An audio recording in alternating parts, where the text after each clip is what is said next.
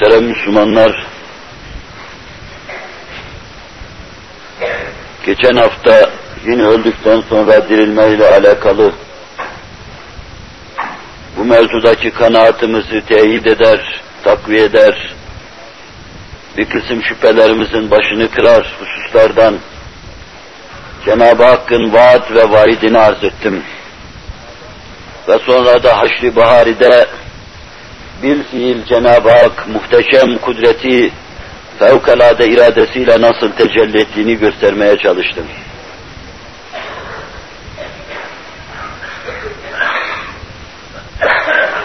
Zerrattan seyyarata kadar, en küçük alemden en büyük alemlere kadar meşiyet ve kudretini gö gösteren Hazreti Allah, en doğru sözlü nebilerin dilinde, Kur'an'ın ifadesinde ve kitab-ı ilahinin ifadesinde haşri getireceğini vaat ediyor.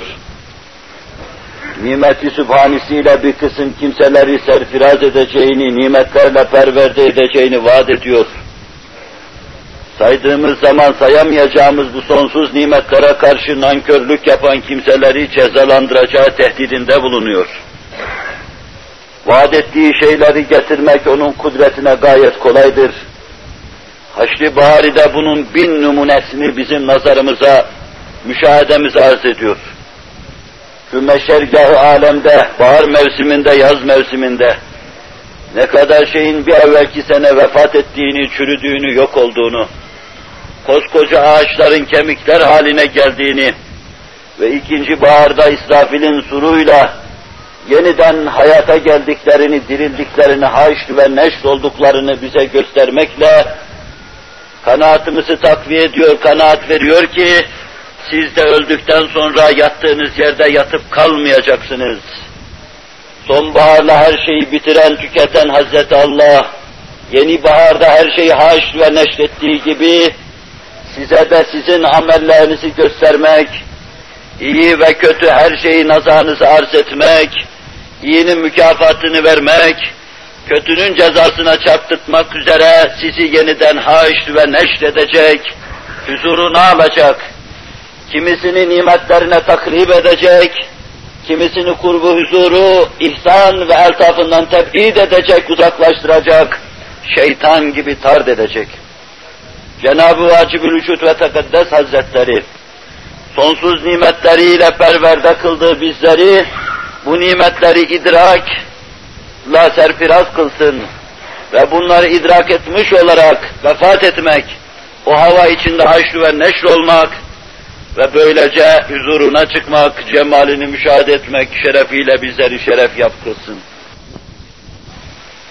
Bunu uzatmadan bugünkü derste de inşallah Teala Cenab-ı Hakk'ın hikmetinin, inayetinin ve kainatta getirip vaz ettiği muvazenesinin, vezninin, adaletinin öldükten sonra dirilmeyi iktiza ettiği hususu üzerinde hep beraber duralım.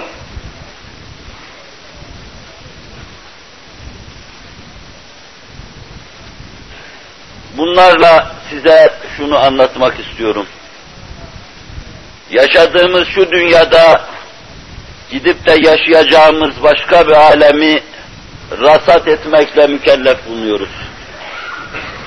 Kainatın sinesine, zeminin sinesine, güzel çiçeklerin sinesine, eşya ve hadiselerin sinesine kulağımızı vermek suretiyle yaşadığımız şu alemde yaşayacağımız alemin sesini duyma ve onu tanımakla mükellefiz. Ahiret her şeyiyle bir tenteneli perde gibi üzerine kapanan şu şehadet ve mülk aleminin verasında kendisini bize hissettirmektedir. Basar ve basireti olan, az kalbi hayatına dönük bulunan her fert, şu dünyada perdelerin verasında yaşamış olmasına rağmen, daima bu tenteneli perdelerin ötesinde ahiretin tatlı simasının yer yer kendisine tebessüm ettiğini ve nankörler için, günahının muhasebesi altında kıvrananlar için, ahiretin dehşet salan manzarasının yer yer ona yüz ekşittiğini müşahede edecektir. O alem burada katiyen görülecek ve müşahede edilecektir. Her hadise kendine has sesiyle, sadasıyla, en dehşetli hadiseler çıkardıkları tarrakalarıyla sinesine kulak verdiğin zaman ahiret, ahiret dediğini duyacaksın. Anlatılan şeylerin altında da esasen bu vardır. Burada durmaz. Adeta bir kalenin mazgal deliklerinden dışını müşahede ediyor gibi, dünyanın deliklerinden size bakan, tebessüm eden veya yüzünü ekşiten ahireti müşahede etmek. Cenab-ı Hak evvelki güruha ve zümreye bizler ilhak buyursun. Hem kendi eltafının tebessümüyle, hem tecessüm etmiş eltafın ahiret şeklinde, cennet şeklindeki tebessümüyle bizi karşı karşıya getirsin. Zemini seyrettiğimiz zaman bunu göreceğiz.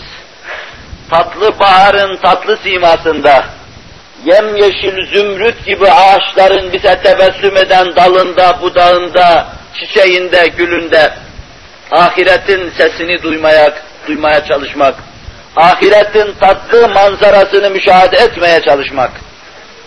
Bunu anlayabilirsek ne mutlu bize. İşte Allah Celle Celaluhu yer yer haşli bahari yepyeni bir baharda yani ağaçların, otların çiçek açmasını bizim nazarımıza arz ederken bunu anlatmak istiyor. Anlayabilene. Ağaçların meyve verişini bize anlatırken bunu anlatmak istiyor. Hevan ve haşeratın bitip tükendikten sonra emekliye emekliye ağaçların yaprağında gezişini bize anlatırken bunu anlatmak istiyor. O bütün bunlarla bize bunu anlatırken bizler kalpsizler, gözsüzler ve kulaksızlar gibi eşya ve hadiselerin yanından duygusuz olarak geçersek, herhalde bir gün adaleti ilahi, her şeye ölçü ve tartı koyan, her şeyi muvazeneye getiren, ötede de her şey için muvazene vaz edecek olan Hazreti Allah, mizan vaz edecek olan Hazreti Allah, herhalde bir kısım nankörlerin durumlarını inceden ince tartacak, hesaba çekecek, belki orada işlerini bitirecek, Cenab-ı Hak sizi ve bizi muhafaza buyursun. İnsan bir kere Allah'a yakayı kaptırdı mı, Allah bir kere karşısına alıp da onu istintak etti mi artık onun işi bitiktir. Hazreti Ayşe'nin kainatın fahrından ifade ettiğine göre. İnsan bir kere Allah karşısında hesapta yakayı eline, Allah'ın eline kaptırmış olmasın. Allah zaten her şeyi kabz edici, yakalayıcıdır. Ama seni bir kere istintak etti mi, hayatının hesabını sana sormaya başladı mı, senin işin bitiktir artık. Ya Resulallah, herkes hesaba çekilecek değil mi? Hesaba çekilecek ama Allah'ın karşısında akın karanın hesabını verme o kadar ağırdır ki, inceden inceye Mevla sizi hesap imbiklerine attı mı belli ki sizi mahvedecek. Ama affınızı murat buyurmuşsa, kalbinizdeki şuur hüzmelerinden ötürü affınızı murat buyurmuşsa, uyanık gönlünüze merhameten affınızı murat buyurmuşsa, gecenin karanlık zülüfleri üzerinde iki damlacık göz yaşınıza merhameten affınızı murat buyurmuşsa, o bahanelerle sizi affedecek, o denli ağır muhasebe altına getirmeyecek, tabi tutmayacaktır.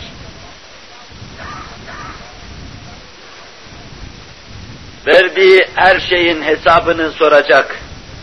Ettiği lütufların hesabını soracak.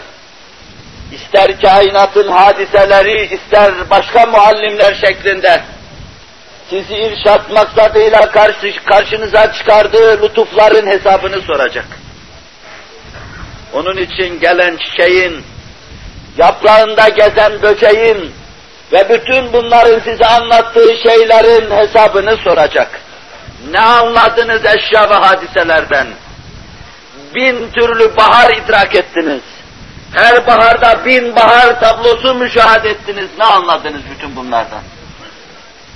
Bunlar size bunlarla çok rahatlıkla oynayan sani azamı anlatmadıysa, bunlar size bu sani azamın, maksatlı iş yapan sani azamın, bütün yaptığı işlerde hikmetin, merhametin, inayet ve ihtimamın, adalet, vezin ve muvazenenin bulunduğu Hazreti Allah'ın mevcudiyetini ve bu muhteşem mevcudiyetin bir gün sizin için mizan ve terazi vaz edeceğini anlatmadıysa yazıklar olsun size. Eşya ve hadiselerin yanından geçerken körler sağırlar gibi geçmeyeceksin. Düşünen, idrak eden, bir üzüm bağında alıp üzüm tanelerini ve salkımlarını sayıyor. Üzümün kuru çubuğuyla onların içindeki suyun hesabını yapıyor. Bu kuru çubuk su muslu olsa aksaydı bu salkımları ve bu salkımların havi bulunduğu üzüm tanelerini dolduramazdı şerbetle diyor. Şuurlu eşya ve hadiselere böyle bakıyor. Onları fethetmeye çalışıyor. Kaleyi fetheder gibi eşyanın içine giriyor ve yığın yığın marifet hüzmeleriyle dönüyor kendi kalbine. Şuursuz abur cubur her şeyi atarken yolda bulmuş gibi atıyor. Atıyor da vereni hiç düşünmüyor. Alıyor, koparıyor. Nimet sofraları halinde kendisine tebessüm eden, ağaçların başındaki dal otaklarına oturmuş kendisine tebessüm eden, meyveleri atıştırırken nasıl geldiğini düşünmüyor. Kör ve nankör.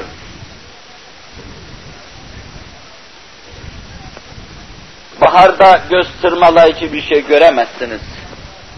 Her şey o kadar güzel, o kadar tatlı. Renkler arasında o kadar uyum vardır ki hiçbir fırça, renkler arasında bu kadar uyumu meydana getiremez. Benim gibi estetik zevkler babında kaba kaba bir anlayışa sahip olan bir insan, içine girdiği şu camilerde renk uyumsuzluğu karşısında çok defa gözleri çiğlikle karşı karşıya kalır. Şu renk şöyle olmalıydı, bu böyle olmalıydı. Bu beyazın yanında siyahın geri de neydi diye. Defa aklına gelir, beynini kurcalar, gözünü tırmalar. Ama baharda insana böyle dedirtecek ve düşündürecek tek hadise yoktur. Tek manzara yoktur, tek tablo yoktur. Yeşilse tatlı yeşildir.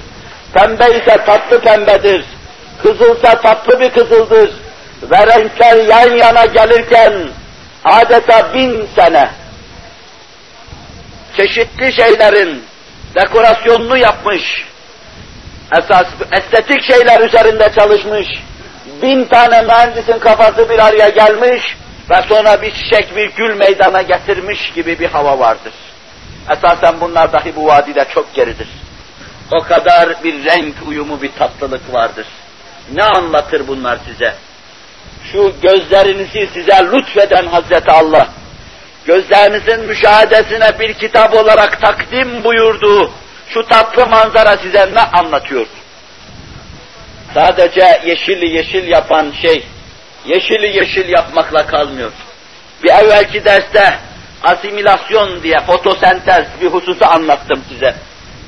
Yeşilin yeşilliğini onlara kazandıran klorofilin aynı zamanda şeker sentezinde, fotosentezinde nasıl amil bir unsur olduğu hususunu anlattım. Siz keserle belli şeyler yaparsınız, halbuki şuurlusunuz. Onunla çok şey yapabilecek havada onu yapmaya çalışırsınız. Ona bir eğiklik, bir kavis verirsiniz. Ağzını keskinleştirirsiniz.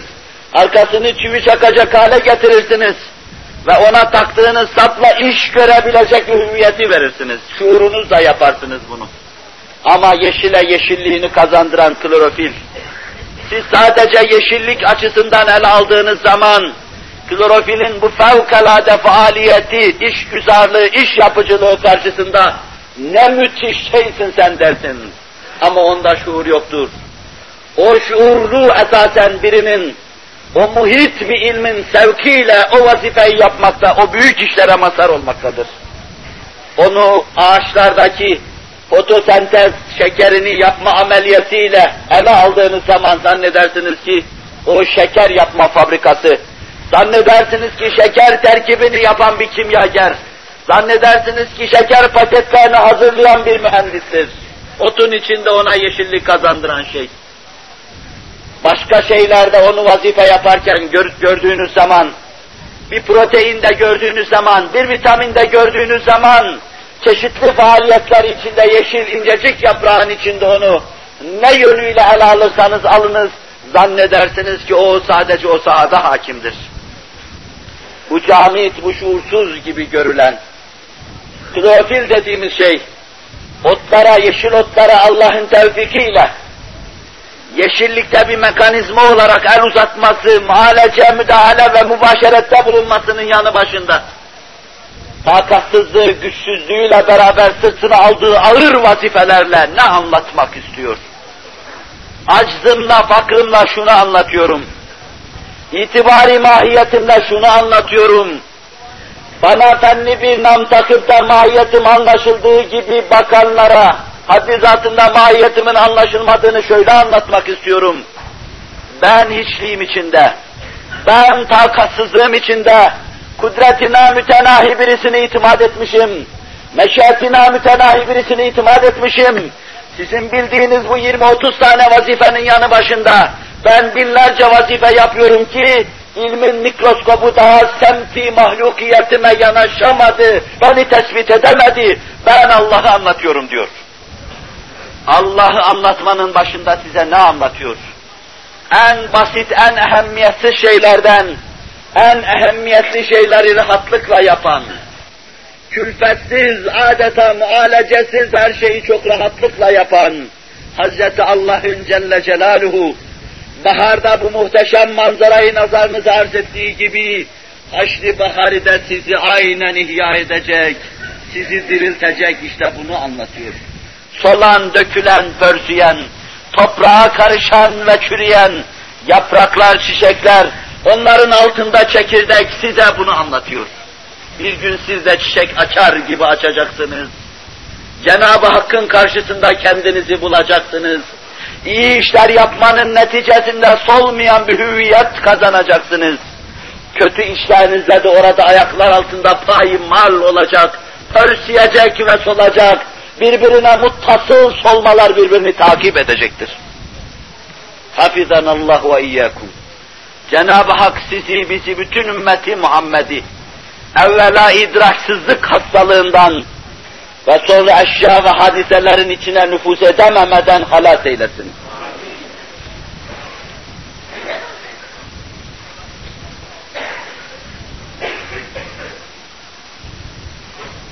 Bu bu fasıl bana bir söz söylettirdi. Esas Cenab-ı Hakk'ın inayet, hikmet ve adaletini anlatırken, yeryüzünde hüküm ferma olan ihtimamı, her şey üzerinde titizlikle duruşu anlatırken beni ayrı bir vadiye götürdü.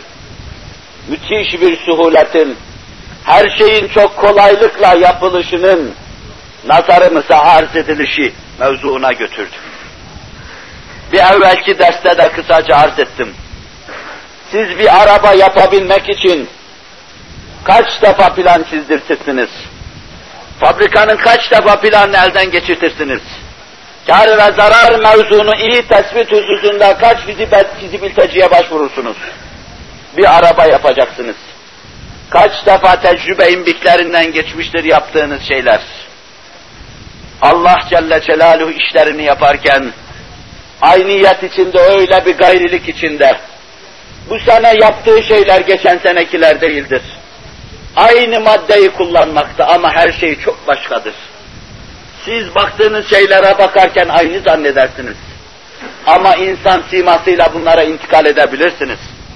Hz. Adem'den bu yana yaratılan insanların siması birbirine benzememektedir. Halbuki insanın karakterini tayin ve tespitte, insanı tam manasıyla, mutlak manada insan olarak tutmada, Allah'ın onda esbab olarak kullandığı amil belli sayıda kromozomlardır. Bununla beraber devre Adem'den bu yana gelen insanın siması, maddi manevi siması birbirine benzememektedir. İnsan ne suretiyle birbirine benzer ne de siretiyle birbirine benzer. İç alemiyle derinleştikçe insan, her insan başka bir alem olur Dışıyla da her insan başka bir alemdir. Hadiyelerin suçları tespitte, bir kısım karine saydıkları, polislerin karine saydıkları, parmak uçları, topyekun beşerin parmak ucu birbirine benzemiyor. Adeta insanlar bir yönüyle aynı sikke, aynı turra üzerinde bulunması yönüyle Allah'ın vahid ve had olduğuna delalet eder. Ama bu ayrı ve gayrı olma hususunda her şeyi çok suhuletle yapan, çok basit maddelerden çok şey yapan, değişik şeyler yapan Hazreti Allah'ın müthiş irade ve meşiyetine delalet eder. Eşya ve hadiseler gelişi güzel, kör ve sağır olarak akmamaktadır. Belki Allah'ın müthiş iradesi ve meşiyetiyle belli biçim ve kalıplara konmakta, hepsi değişik şekil ve hüviyet tarzı didar etmektedir. Her şey değişik ve başka şekilde her baharda arzı didar etmektedir. Ama belli şeylerdir. Size sadece nebatatı arz edeyim. Biz eskiden gayri uzvi maddeler diyorduk. İnorganik, organik, inorganik. Gayri uzvi maddelerin, yani canlılar gibi uzvi olmayan şeylerin, nebatatta teşekkülü çok basit olarak Allah tarafından yapılır. İlim diliyle meseleyi arz edeceğim.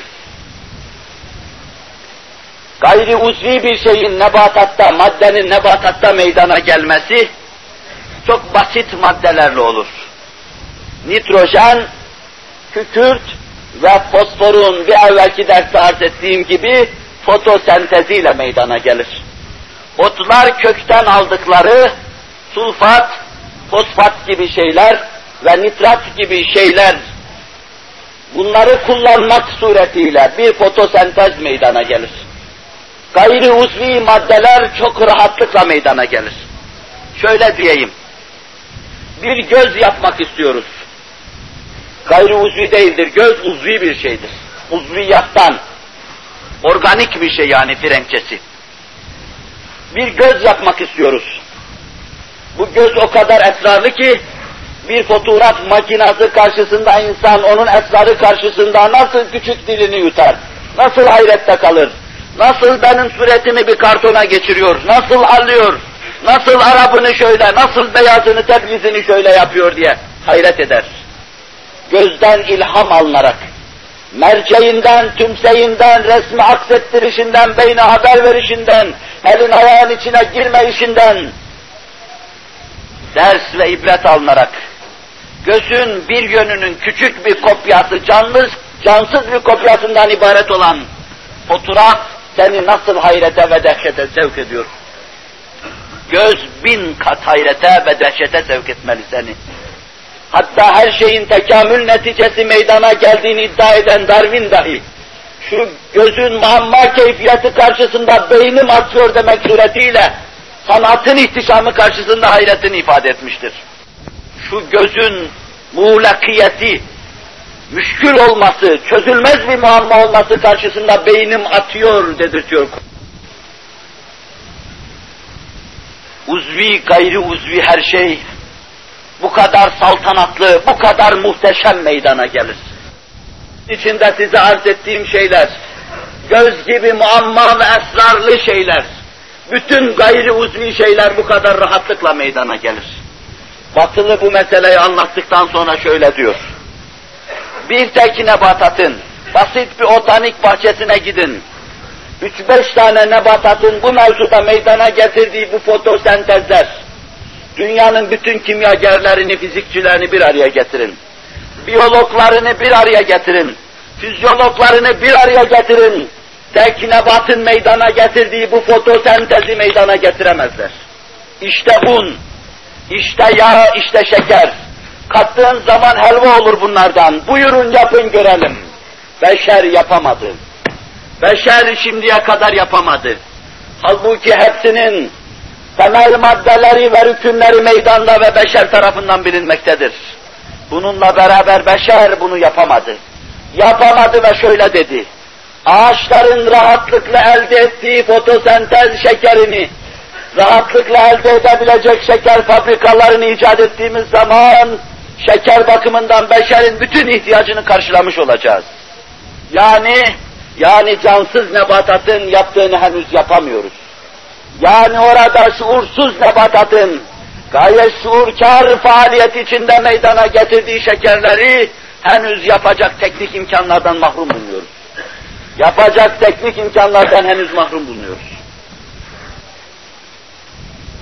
Allah Celle Celaluhu rahatlıkla yapıyor her şeyi, suhuletle yapıyor. Her baharda milyonlarca tezgah işliyor. Çeşit çeşit tekstil mamulleri meydana getiriyor. Her ağaç, her ot, her yaprak, her meyve bir elbise giyiyor. Bu varlıkların keyfiyetine göre kimisinde bir zar, bir stoplazma şeklinde, kimisinde kabuk şeklinde. Ama onların elbisesi olarak meydana geliyor. Bu elbiseyi işleyen tezgah ve fabrika başkadır. Ağacın kabuğunu işleyen fabrika başkadır.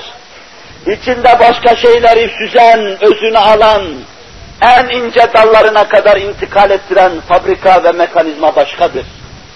Çiçeği meydana getiren mekanizma başkadır. Çiçeğin üzerinde meyveyi meydana getiren, meyvenin içinde tadı kokuyu meydana getiren, rengi meydana getiren fabrika tamamen başkadır. Dikkat buyurun.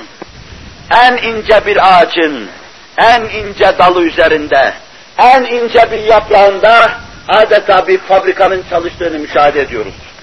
Ve her baharda milyonlarca fabrika çalışıyor. Tekstil mamulleri piyasaya arz ediyor. Protein konserveleri piyasaya arz ediyor. Vitamin konserveleri piyasaya arz ediyor. Şeker mamulleri piyasaya arz ediyor. Şeker fabrikası gibi çalışıyor. Konserve fabrikası gibi çalışıyor. Hindistan ceviz ağacının başında Hint cevizinin içinde taşıdığı sizin sütünüz gibi leziz süt ne ifade ediyor sizin için? Size tebessüm eden, rengarenk keyfiyetiyle gözünüzü okşayan, tadıyla dilinizi okşayan, vücudunuz için mukaddi bir madde olan, size tebessüm eden elma ne ifade ediyor size? Bunu hangi fabrika meydana getiriyor?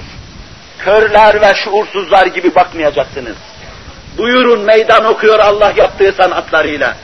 Buyurun bir tek elmayı bütün kimyacılarınıza, bütün fizikçilerinize, bütün biyokimyacılarınıza, bütün fizyologlarınıza meydana getirmeye çalışın. Getiremeyeceksiniz. Bir tek nebati bu semereyi meydana getiremeyeceksiniz. Öyleyse ne ifade ediyor? Aczınızı ve aciz olmadığını. Ne ifade ediyor? Bunu burada yaratanın bunlar gibisini öbür alemde yaratacağını ifade ediyor. Bunu burada çürüttükten sonra baharda yeniden ihya ettiği gibi, haşrettiği gibi öbür alemde de haş ve neşt edeceğini ifade ediyor. Allah Celle Celaluhu binlerce fabrikanın tezgahıyla bize tarlakalar çıkararak bu hakikatları anlatıyor. Ne mutlu bunların dilini anlayanlara, kainatın sinesine kulak verenlere, zeminin sinesinde hakikati idrak edip, hakikatin ver veratında hakaikül hakaiki müşahede edenlere. Yazıklar olsun eşya ve hadiseleri kör ve sağırlar gibi gören ve öyle kabul edenlere. Allahu Teala ve Tekaddes Hazretleri basiretimizi açsın, bizleri hakikate aşina ve nigehban eylesin inşallah Teala. Buraya kadar eşya ve hadiseler mevzuunda, işleyen tezgahlar mevzuunda, Allah'ın muhteşem sanatlarına bir bakış yaptık. Halbuki dikkat buyurun, bu göz kamaştırıcı, insanın ağzının suyunu akıtıcı, midede sulanmalar meydana getirici, insanı şevku cezbeye getiren, peşi peşine hareket eden, muttasıl bu manzaralar, kararsız mekanlarda, devam etmeyen meskenlerde, değişen meşerlerde cereyan edip duruyor. Yani her şey olduğu gibi sönüyor, pörsüyor, olduğu gibi ölgünleşiyor ve yok oluyor. Halbuki bu ihtimam, bu kadar ehemmiyet verme, bu kadar vezinle muvazene, bu kadar merhametle her şeyin imdadına koşma, böyle soldurmak ve öldürmek için olmamalı. Bunların bir manası var. Bunu sizin kafanıza yaklaştırmak için bir misal arz edeyim. Fevkalade bir çocuk yuvası düşünün. Bu çocuk yuvasında melek numun, hemşirelerin veya erkeklerin ihtimamla çocuklara baktıklarını müşahede edin. O kadar ki ağlayan çocuğun yanında oturup ağlayan hemşireler veya biraderler müşahede edin. Yemek yerken tir tir titreyen, ihtimamla üzerinde esip duran şefkatperver insanlar müşahede edin. Bir hastalığı karşısında inlemesine mukabil onunla beraber inleyen ihtimamkarlar müşahede edin. En güzel saraylarda, en has bahçelerde, şakır şakır akan sular arasında ve çağlayan çaylar arasında, tebessüm eden çiçekler arasında bir çocuk yuvası düşünün, tasavvur edin. Hiçbir eksiği olmayan bir çocuk yuvası. İnsan içine girdiği zaman içi inşiraha kavuşacak. Çocukların cıvıltısı, kuşların cıvıltısı, suların şakırtısı, ağaçların yapraklarının temas etmesi neticesinde hemhemesi ve demdemesi, insanı şevku cezbeye getirecek bir çocuk yuvası. Değiştirin manzarayı. Bir hayvanat bahçesi düşünün. Yeryüzünde ne kadar hayvanat varsa hepsini bin türlü meşakkatle celp ve cezbettikleri bir hayvanat bahçesi düşünün. Bir tırtıldan, bir solucandan aslana kadar, filden gergedana şeşvara kadar, su aygırına kadar, fok balığına kadar, maymuna kadar, af buyurun hınzıra kadar, her şeyle donattıkları, tezyin ettikleri, insanın ağzını açıkta bırakan bir hayvanat bahçesi düşünün. Böyle bir hayvanat bahçesi Japonya'da mıdır? Almanya'da Frankfurt'ta mıdır? Amerika'da başka bir eyalette bir başka beldede midir bilemiyorum. Böyle muhteşem bir hayvanat bahçesi düşünün. Her birisine ayrı ayrı yerler kesilmiş. Her hayvanı hoş ve mesut edebilecek bir hala bir vasat meydana getirilmiş. Çocuk yuvasının yanında bir de böyle bir hayvanat bahçesi düşündükten sonra isterseniz bir botanik bahçesine intikal edelim.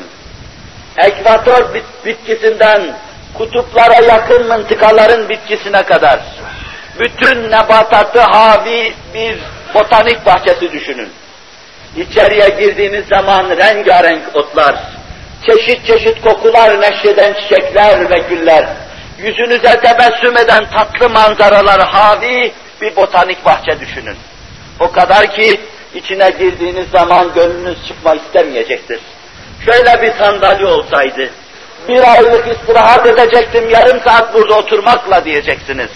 Ayrılmak istemeyeceksiniz.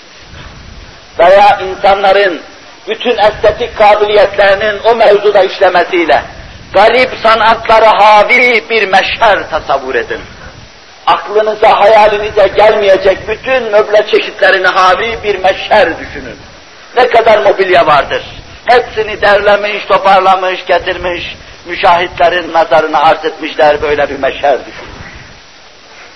Çocuk yuvasından buraya kadar hayalinizden bunları sinema şeridi gibi geçiriverin. Benim kulak tırmalayıcı, beyin tırtıklayıcı sözlerim içinde değil. Manaya intikal ederek bunları muvakkaten rica ediyorum. Sinema şeridi gibi gözünüzün önünden geçirin. Çocuk yuvasındaki ihtimamkar insanlardan alın da şefkatle ağlayanın yanında ağlayandan, inleyenin yanında inleyenden alın da botanik bahçesine ihtimamla bakmaya ve o meşheri çok güzel donatmaya kadar gösterilen ihtimama, adalete ve muvazeneye, merhamete, inayete, ihtimama dikkat edin. Ve sonra birdenbire bu çocuk yuvasında işin ve manzaranın değiştiğini bu tatlı manzaraya ilave edin. Bu çocuklara şefkatle bakanlar, ellerine aldıkları kazmalarla, küreklerle, dinamitlerle o güzelim bahçeyi tahrip etmeye koyuldular. Biraz evvel ağlayanın yanında ağladıkları o çocukların başına, çocukların feryat ve figanına kulak vermeden binayı uçurmaya çalışıyorlar. O çayları ve nehirleri yerin dibine batırmaya çalışıyorlar. Bütün kuşlara tuzak kuruyorlar, bütün ağaçlara yangın veriyorlar. O lalezarı, o gülistanı bir haristan, bir harabe haline getirmeye çalışıyorlar. Ve intikal edin siz hayvanat bahçesine. Bin meşakkat ve taarrükle yakalanan o hayvanları birdenbire hepsini salı veriyorlar. veya hepsini öldürüveriyorlar. Veya bulundukları ormanın içinde hepsini cayır cayır yakıveriyorlar. Botanik bahçesine intikal edin. Aynı harabiliği ve hirfaniliği orada da müşahede edin. Ve sonra meşhere gidin.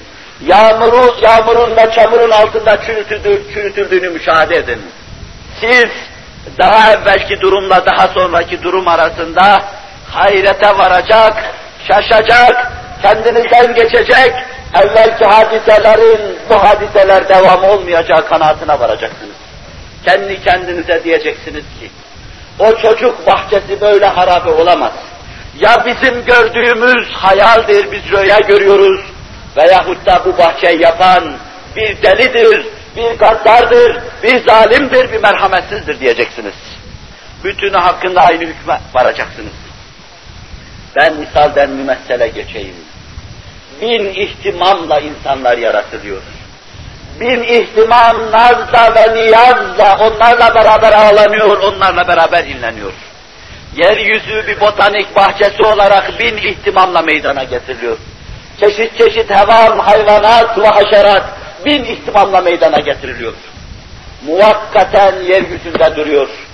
Ve sonra bunlar yok olup gidiyorlar. Ya diyeceksiniz ki biz bir hayal görüyoruz, rüya görüyoruz. Eski felsefi tarihte yaşayan sofistler, septistler gibi. Böyle gördüğümüz için böyle görünüyor diyeceksiniz. Veyahut da diyeceksiniz ki bu zemini böyle hazırlayan, bu bahçeye hayvan bahçeye hayvanları gönderen ve bu bahçede bir prens gibi insanları serfiraz eden zat çok gaddar, çok zalim, çok sefih, çocuk gibi oyun oynamadan hoşlanan birisidir diyeceksiniz. Aklen buna ihtimal vermek mümkün değildir. Öyleyse diyeceksiniz ki, gaddar olmayan, zalim olmayan, çocuk gibi oyunları içinde mağlup olmayan, sefih olmayan, abesle iştigal etmeyen, bu kainat sarayı muhteşemini vaz eden, tayin ve tespit buyuran Hazreti Allah Celle Celaluhu, yeryüzünü bir meşher haline getirip, insanların nazarını arz ettikten sonra, bu sarayı yıkması gösteriyor ki, insanları daha muhteşem bir saraya alacak, burada gördükleri numuneleri orada onların enzarını arz edecek, çünkü burada verdiği şeyler sadece tatmadır, ağza bir tat verse bile karında bin feryat meydana getirecektir. Öyleyse bunlar muhakkaten seyredilip ve yok olmak için değildir. Belki iştahı açmak, öbür alemde sahaya şevki kamçılamak, öbür aleme karşı insanları fahişkar hale getirmek için bir kısım müşevviklerden ibarettir. Cenab-ı Hak böylece bunun manasını anlamaya bizleri muvaffak kılsın inşallah. Teala. Evet muhterem Müslümanlar, bir çekirdek gibi küçük bir şeye Cenab-ı Hak bir ağacın meyveleri kadar gayeler, hikmetler takıyor. Bir tek çekirdeğe, biraz evvel arz etmeye çalıştım onu, tek çekirdeğe koca ağacın meyveleri kadar gayeler takıyor. Koskoca bir ağaca sadece dünyaya müteveccih bir çekirdek kadar gaye takması mümkün değildir. Görüyoruz ki bir çekirdek hayatı boyunca koskoca bir ağacın yükünü sırtında taşıyor. En küçük bir hüveyne, bir sperm, bir canlı, hayatı boyunca, nesli boyunca bir insanın karakterini taşıyor. Siret ve suretinin hammallığını yapıyor. En küçük şeyler en büyük vazifelerle vazifeli kılınıyor.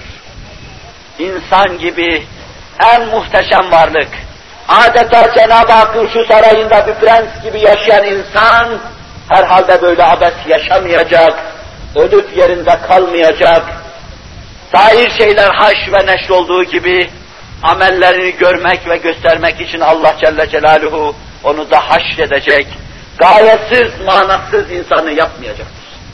İnsan, yeryüzünde vezin ve muvazenenin noktayı mihrakiyetidir. İnsan adeta ölçünün temessül etmiş şeklidir. Her şeyiyle insan, ölçünün, kıstasın noktayı mihrakiyetidir. Eli ayağı, gözü kulağı, dili dudağı. Neresini kurcalarsanız kurcalayınız, öylesine yerinde tespit edilmiş, öylesine mükemmel yapılmıştır ki, aksine insan ihtimal veremez, aksini tasvibe yanaşamaz insan. Burnunuzu düşününüz. Nasıl yaratılmış? nasıl olmasını arzu ederdiniz? Çeşitli ihtimallerle ele alınız.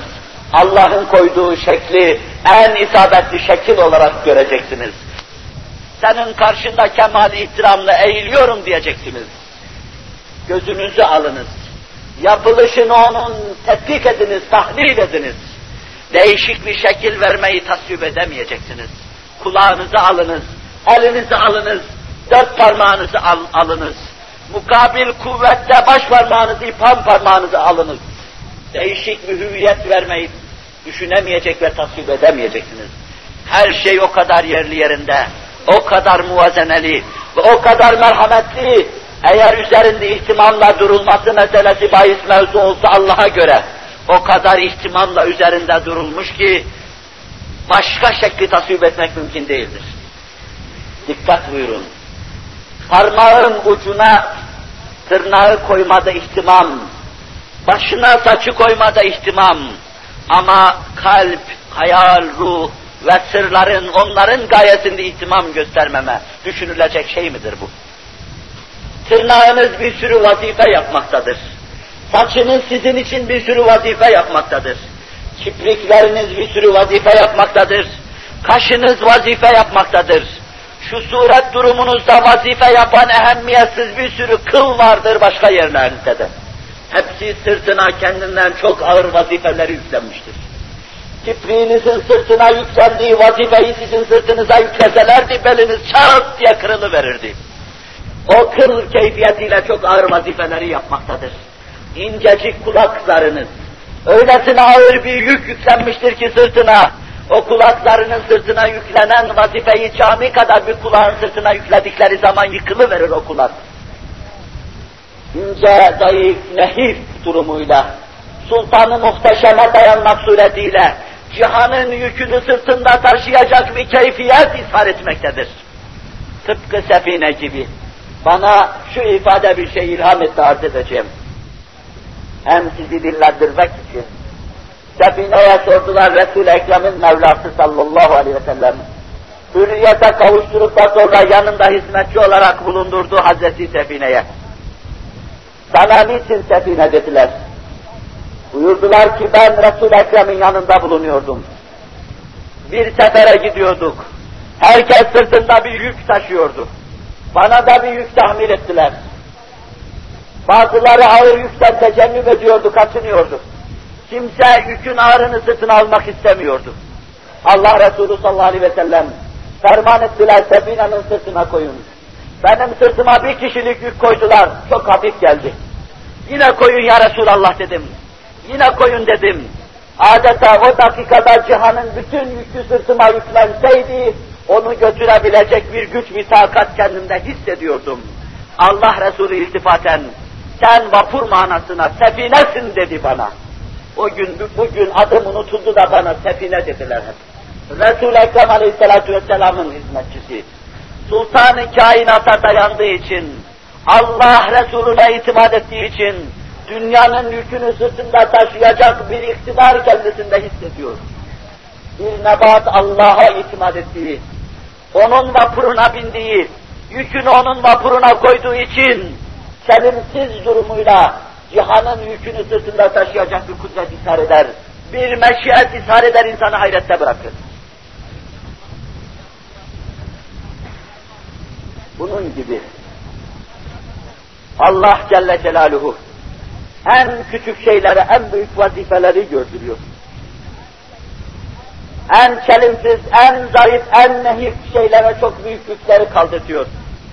Kibriğine cihanın yükünü, kulağının zarına cihanın yükünü, ağzındaki kuvve-i zayikana cihanın yükünü, kalbindeki küçük enerjiye cihanın yükünü, senin vücudundaki kan pompalamasına basınca cihanın yükünü tahmil ediyor. Farz ettiği vezin ve muvazeneyle, mizan ve teraziyle cihanın yükü, korkunç atmosfer basıncı altında vaz ettiği muvazeneyle sen rahatlıkla yaşayabiliyorsun. Bütün bunlar sana ne ifade ediyor? En küçük hadiseler arasında dahi muhteşem bir kudretin ve kuvvetin tasarruf yaptığını, eşyayı evirip çevirdiğini anlatıyor. Cenab-ı Hak cümlemizi anlattırsın.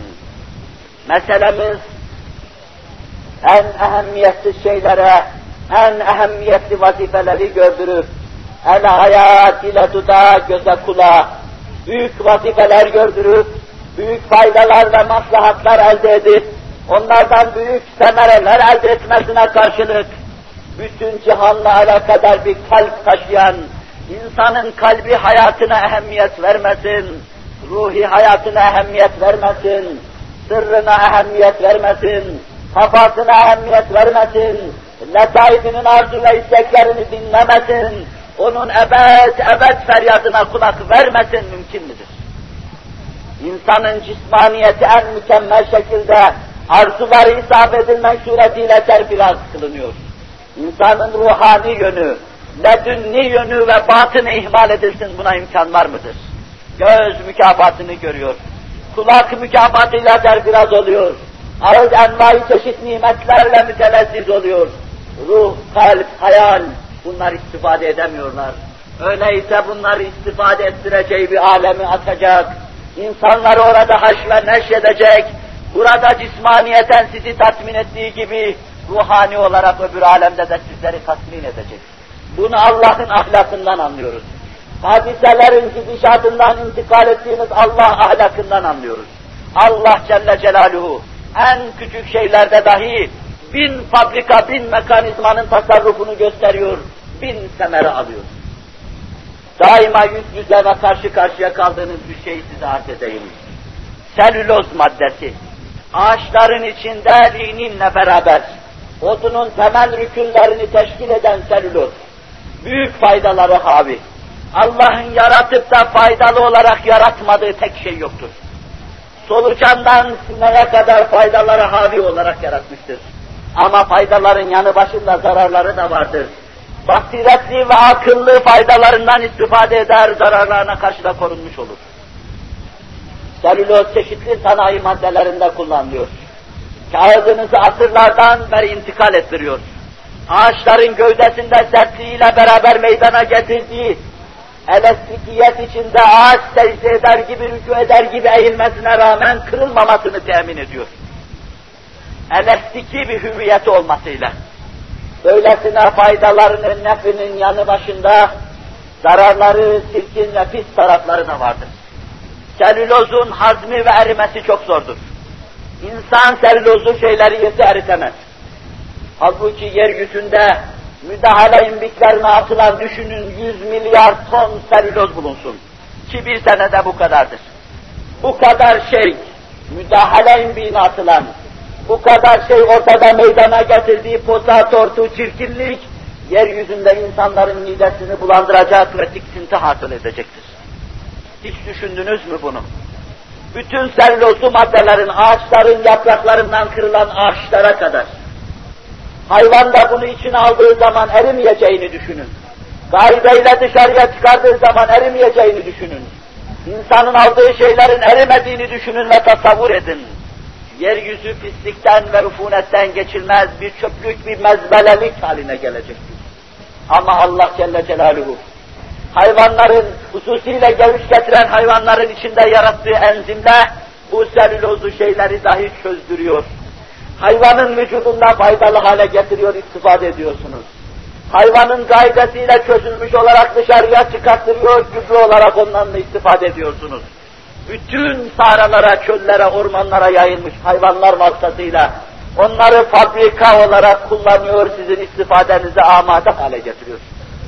Yem olarak yenmeyenler, dikkat buyurun. Hepsini hayvan yemez sellozun. Yem olarak yenmeyip de dökülüp yere, kirlilik ve pislik halinde insanların karşısına çıkanları, yerlerdeki bakterilerle Allah çözdürüyor Celle Celaluhu. Sizin mikrop deyip mahkum ettiğiniz, Allah'ın bu çok vazife gören mahlukunu hor ve hakir görmenize rağmen size hizmet ediyor. Ağacın gövdesinde, meyvenin vücudunda, ağacın dalında ve budağında bir avuç toprak içinde milyonlarcasıyla isbatı vücut ederek size hizmet ediyor bakteriler. En büyük selüloz moleküllerini çözmek suretiyle küçük moleküller haline getiriyor. Toprak bunlardan istifade ediyor. Ve artık yeryüzünde de üfunetli madde olma durumu kalmıyor. Bakteriler. sizin mikrop deyip mahkum ettiğiniz şeyler, süratle çoğalan, baş döndürücü bir süratle tenasül kabiliyeti olan bu mahlukat, 24 saat içinde sayıları milyonlara ulaşan bir taneden bu müthiş varlıklar ancak mikroskopla görebilirsiniz. Size büyük hizmetler yapıyorlar. Hiç düşündünüz mü? Devre Adem'den bu yana yeryüzünde ölen insanların cenazelerinin çürümeyeceğini hiç düşündünüz mü? Ölen bütün hayvanların senede cenazelerinin çürümeyeceğini, laşelerinin çürümeyeceğini hiç düşündünüz mü? Yığın yığın toprağa düşen ağaçların, hususiyle içinde erimeyen selülozlu maddelerin yeryüzünde müthiş bir pislik yığını haline geleceğini hiç düşündünüz mü? Sadece her sene yeryüzünde ölen hayvanatın, hevan ve haşeratın, ot ve ağacın ve insanın her sene cenazeleri yeryüzüne yayılı verecek, kaplayı verecek, burnunuzu tutmadan geçemeyeceksiniz, ayağınızı basacaksanız bir yer bulamayacaksınız. Hiç düşündünüz mü bunu? Birkaç sene içinde yeryüzü üzerinde santimlerce belki, santimetrelerce sinek cenazesinin yeryüzünü kapadığını göreceksiniz. Çürümeseydi, hiç düşündünüz mü? Bir ilim adamı şöyle diyor, eğer ölen sineklerin cenazeleri yeryüzünde, toprak içindeki bakteriler vasıtasıyla kimyevi istihaleye tabi tutulmasaydı, eritilmeseydi, toprak için faydalı adeta gübre haline getirilmeseydi, birkaç sene içinde ölen sineklerin cenazeleri birkaç santim yer kabuğunu kaplayacak insanlar ayak basacak yer bulamayacaktı. Hiç düşündünüz mü bunu? En ehemmiyetsiz şeylere büyük işler yaptırtıyor Allah Celle Celaluhu. Bakterileri toprakta fabrika gibi çalıştırıyor. İnsanların, hayvanların, ağaçların cenazelerini çözdürüyor onlar Allah Celle Celaluhu. Hem sizi pislikten kurtarıyor, büyük bir mütefekkirin ifadesiyle sıhhiye memurluğu yaptırtıyor onlara. Karadaki kartallardan karıncalara kadar, gökyüzündeki buluttan onun gözyaşı yağmura kadar, denizlerin dalgalanmasına kadar, suların çağlayıp akmasına kadar, ismi Kuddüs'ün emrinde hizmet edip, yeryüzünde bir temizlik meydana getirdikleri gibi, toprağın içinde gözünüzde göremeyeceğiniz ve bir avuç içinde milyonlarcasının oynaştığı, kaynaştığı bakterilerle Allah Celle Celaluhu, toprağa yatan insan, hayvan, havam, haşerat ve bütün nebatatı çözdürüyor, toprak için gübre haline getiriyor, toprağın bağrına kuvvet veriyor bununla ve aynı zamanda sizi de pisliklerden koruyor. Gördünüz mü nasıl ehemmiyetsiz şeylerle büyük işler yapıyor? Gördünüz mü nasıl her şeyi emrinize amade hale getiriyor? Gördünüz mü sizin düşman diye mahkum ettiğiniz bakteriye nasıl size hizmet ettiriyor? Ağacında, ağacın dalında, dalın meyvesinde, meyvenin sinesinde, toprağın sinesinde bakteri, mikrobu nasıl size hizmet ettiriyor? İşte böyle en ehemmiyetsiz şeyleri, en ehemmiyetli vazifelerle terfirat kılan, en küçük, en hakir şeylere, dağlar ağırlığında büyük işleri gördüren Hazreti Allah Celle Celaluhu hiç mümkün müdür ki şu kainatta en nazlı ve nazdar, çabuk müteessir olan, bahsettiğim çocuk yuvası gibi muhteşem bir çocuk yuvasında en küçük hadiseler karşısında çabuk ağlayan ve nazlanan, insanı başıboş bıraksın, selülozu başıboş bırakmayan Allah, bakteriyi başıboş bırakmayan Hazreti Allah, nasıl olur da insanı başıboş bırakır, yerde ebediyen yatmayı onu terk eder, kaldırıp haşr neşretmez. Elbette Allah Celle Celaluhu her şeyden çok semer aldığı gibi, her şeyi çok fayda ve maslahatlar istikametinde kullandığı gibi, her şeyinde bir hikmet ve adalet müşahede edildiği gibi, Nusay-ı Kübra olan, bütün kainatın en muzeci bulunan, bütün esma-i ilahiyenin odak noktası bulunan insanı her halde mühmel bırakmayacaktır. İyi ve kötü amellerinden ötürü hesaba çekmek üzere huzuruna alacaktır. İyi şeylerine mükafat lütfedecek, kötü şeylerinden dolayı da ceza verecek, adaleti sübhaniyetini gösterecektir. Allahu Teala ve Tekaddes Hazretleri gönlümüzü hakikate aşina kılsın. Kendi kapısında bizleri daima serfuru kılsın. Hak ve hakikata inkiyada muvaffak eylesin inşallah Teala. Önümüzdeki derslerde inşallah bu meselenin başka bir yönünü arz etmeyi düşünürüm. Allah imkan bahşederse, imkanlar el verirse yine arz etmeye çalışacağım. Şu kadarını söyleyeyim. Bu türlü meseleleri arz ederken mümkün olduğu kadar muvazene ile, aklımla meselenin içinde bulunmaya çalışıyor. Ve mümkün olduğu kadar da nakledilen ve benim derleyip toparlayıp size anlatmaya çalıştığım bu meselelerde sizin anlayışınızı nazar itibar almaya çalışıyorum. Bununla beraber katiyen biliyorum ki pek çok kimselere bu meseleler biraz katı, biraz donuk, biraz da ölü geliyor. Ama her meselede heyecan bahşolan hususları bulmak ve görmek mümkün değildir. Her meselede insanın gönlünün çağlaması, ruhunun heyecan duyması ve bir zemzem gibi ifadelerin akıp gitmesi düşürülemez. Öyle meseleler vardır ki bunlar kendi formülleri içinde kalıp ve kalıp efkara intikal ettirilmesi, ta onlar da ileride malzeme olarak kullansınlar, bellesinler, anlasınlar, evvela kendi şeytanlarının başına, recmiş şeytan mevzuunda şeytanın başına atılan taş gibi, meteor gibi kendi şeytanlarına bir taş attın, onun sesini kestin, dilini yuttursun ve tuttursunlar. Ondan sonra da başkalarını anlatmaya çalışsınlar. Onun için amaset ifade eden, amaset mahmul mevzularda duyulan, hissedilen heyecan, bu türlü kısmen ilmi olan mesailde duyulamaz. Ben sizin bu ana kadar yaptığınız titizlik, hassasiyet, sizin daha ötesinde, daha üstünde meselelere hassasiyetle eğilmenizi istirham edeceğim. Ne kadar dikkat ve ihtimamla meseleye eğilme olursa Allah'ın tevfik ve inayetiyle o kadar rahat kavramı olur. Bakışlarınız beni daha fazla avamileştirmeye zorladığı zaman ben kendimi zorluyorum. Ama bakışlarınız benim için ilham kaynağı olsa, yüzünüzde bir anlayış, bir idrak gamzetse pek çoğunuzun, ben o zaman daha rahat konuşacak. Kendi ifade tarzımı aşmamaya çalışacağım. Nasıl düşünüyorsam öyle konuşacağım ve benim ağzıma yakın gelen kelimelerle meseleleri size anlatmaya çalışacağım. Binaenaleyh siz benim bu mevzuda meseleleri rahatlıkla intikal ettirmemde yardımcım olacaksınız. Bakışlarınız bana çok şey anlatacak. Donuk bakışlar, ölü gözler, heyecansız ruhlar esasen beni söz tarzını ve söz havasını değiştirmeye zorlamaktadır. Onun için de ben mütemadiyen burada habire perde değiştirmeye kendimi zorluyorum. Hava değiştirmeye kendimi zorluyorum. Daha size bir şey anlatayım. İktidarım bu kadardır.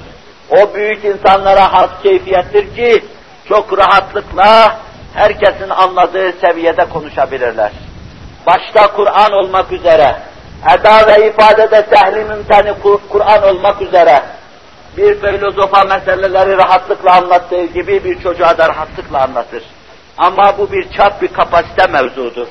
Ben kendimi bunun çok durumunda görüyor ve sizin pek çoklarınızın efkarına meseleleri yanaştıramadım, anlayışlarınızla uzlaştıramadım ve sizinle bir mutabakata varamadım, gönülleriniz itibariyle rezonans olamadığımdan ötürü aczımı, zaafımı, hiçliğimi, idraksızlığımı kabul ediyorum. Ama rica edeyim, siz de hiç olmazsa şu ana kadar devam ettire geldiğiniz pek çoğunuz belli seviyenizi atmaya çalışın. Müslümanlık idraktır, tefekkürdür, kavrayıştır. İçinde yaşadığı eşya ve hadiselere nüfuzdur. Eşya ve hadiselere beraber nüfuz etmeye çalışın. Anlayışınız bana çok şey anlatsın, bakışlarınız çok şey ilham etsin ve cemaatin istifadesine medar olsun inşallah Teala. Daha fazla uzatmadan bugünlükte bu kadarlıkla iktifa edelim. Azımızda, çoğumuzda, samimi olduğumuzda, olmadığımızda, onun rızasını düşündüğümüzde, düşünmediğimizde, Cenab-ı Vacib-ül Vücut ve Tekaddes Hazretleri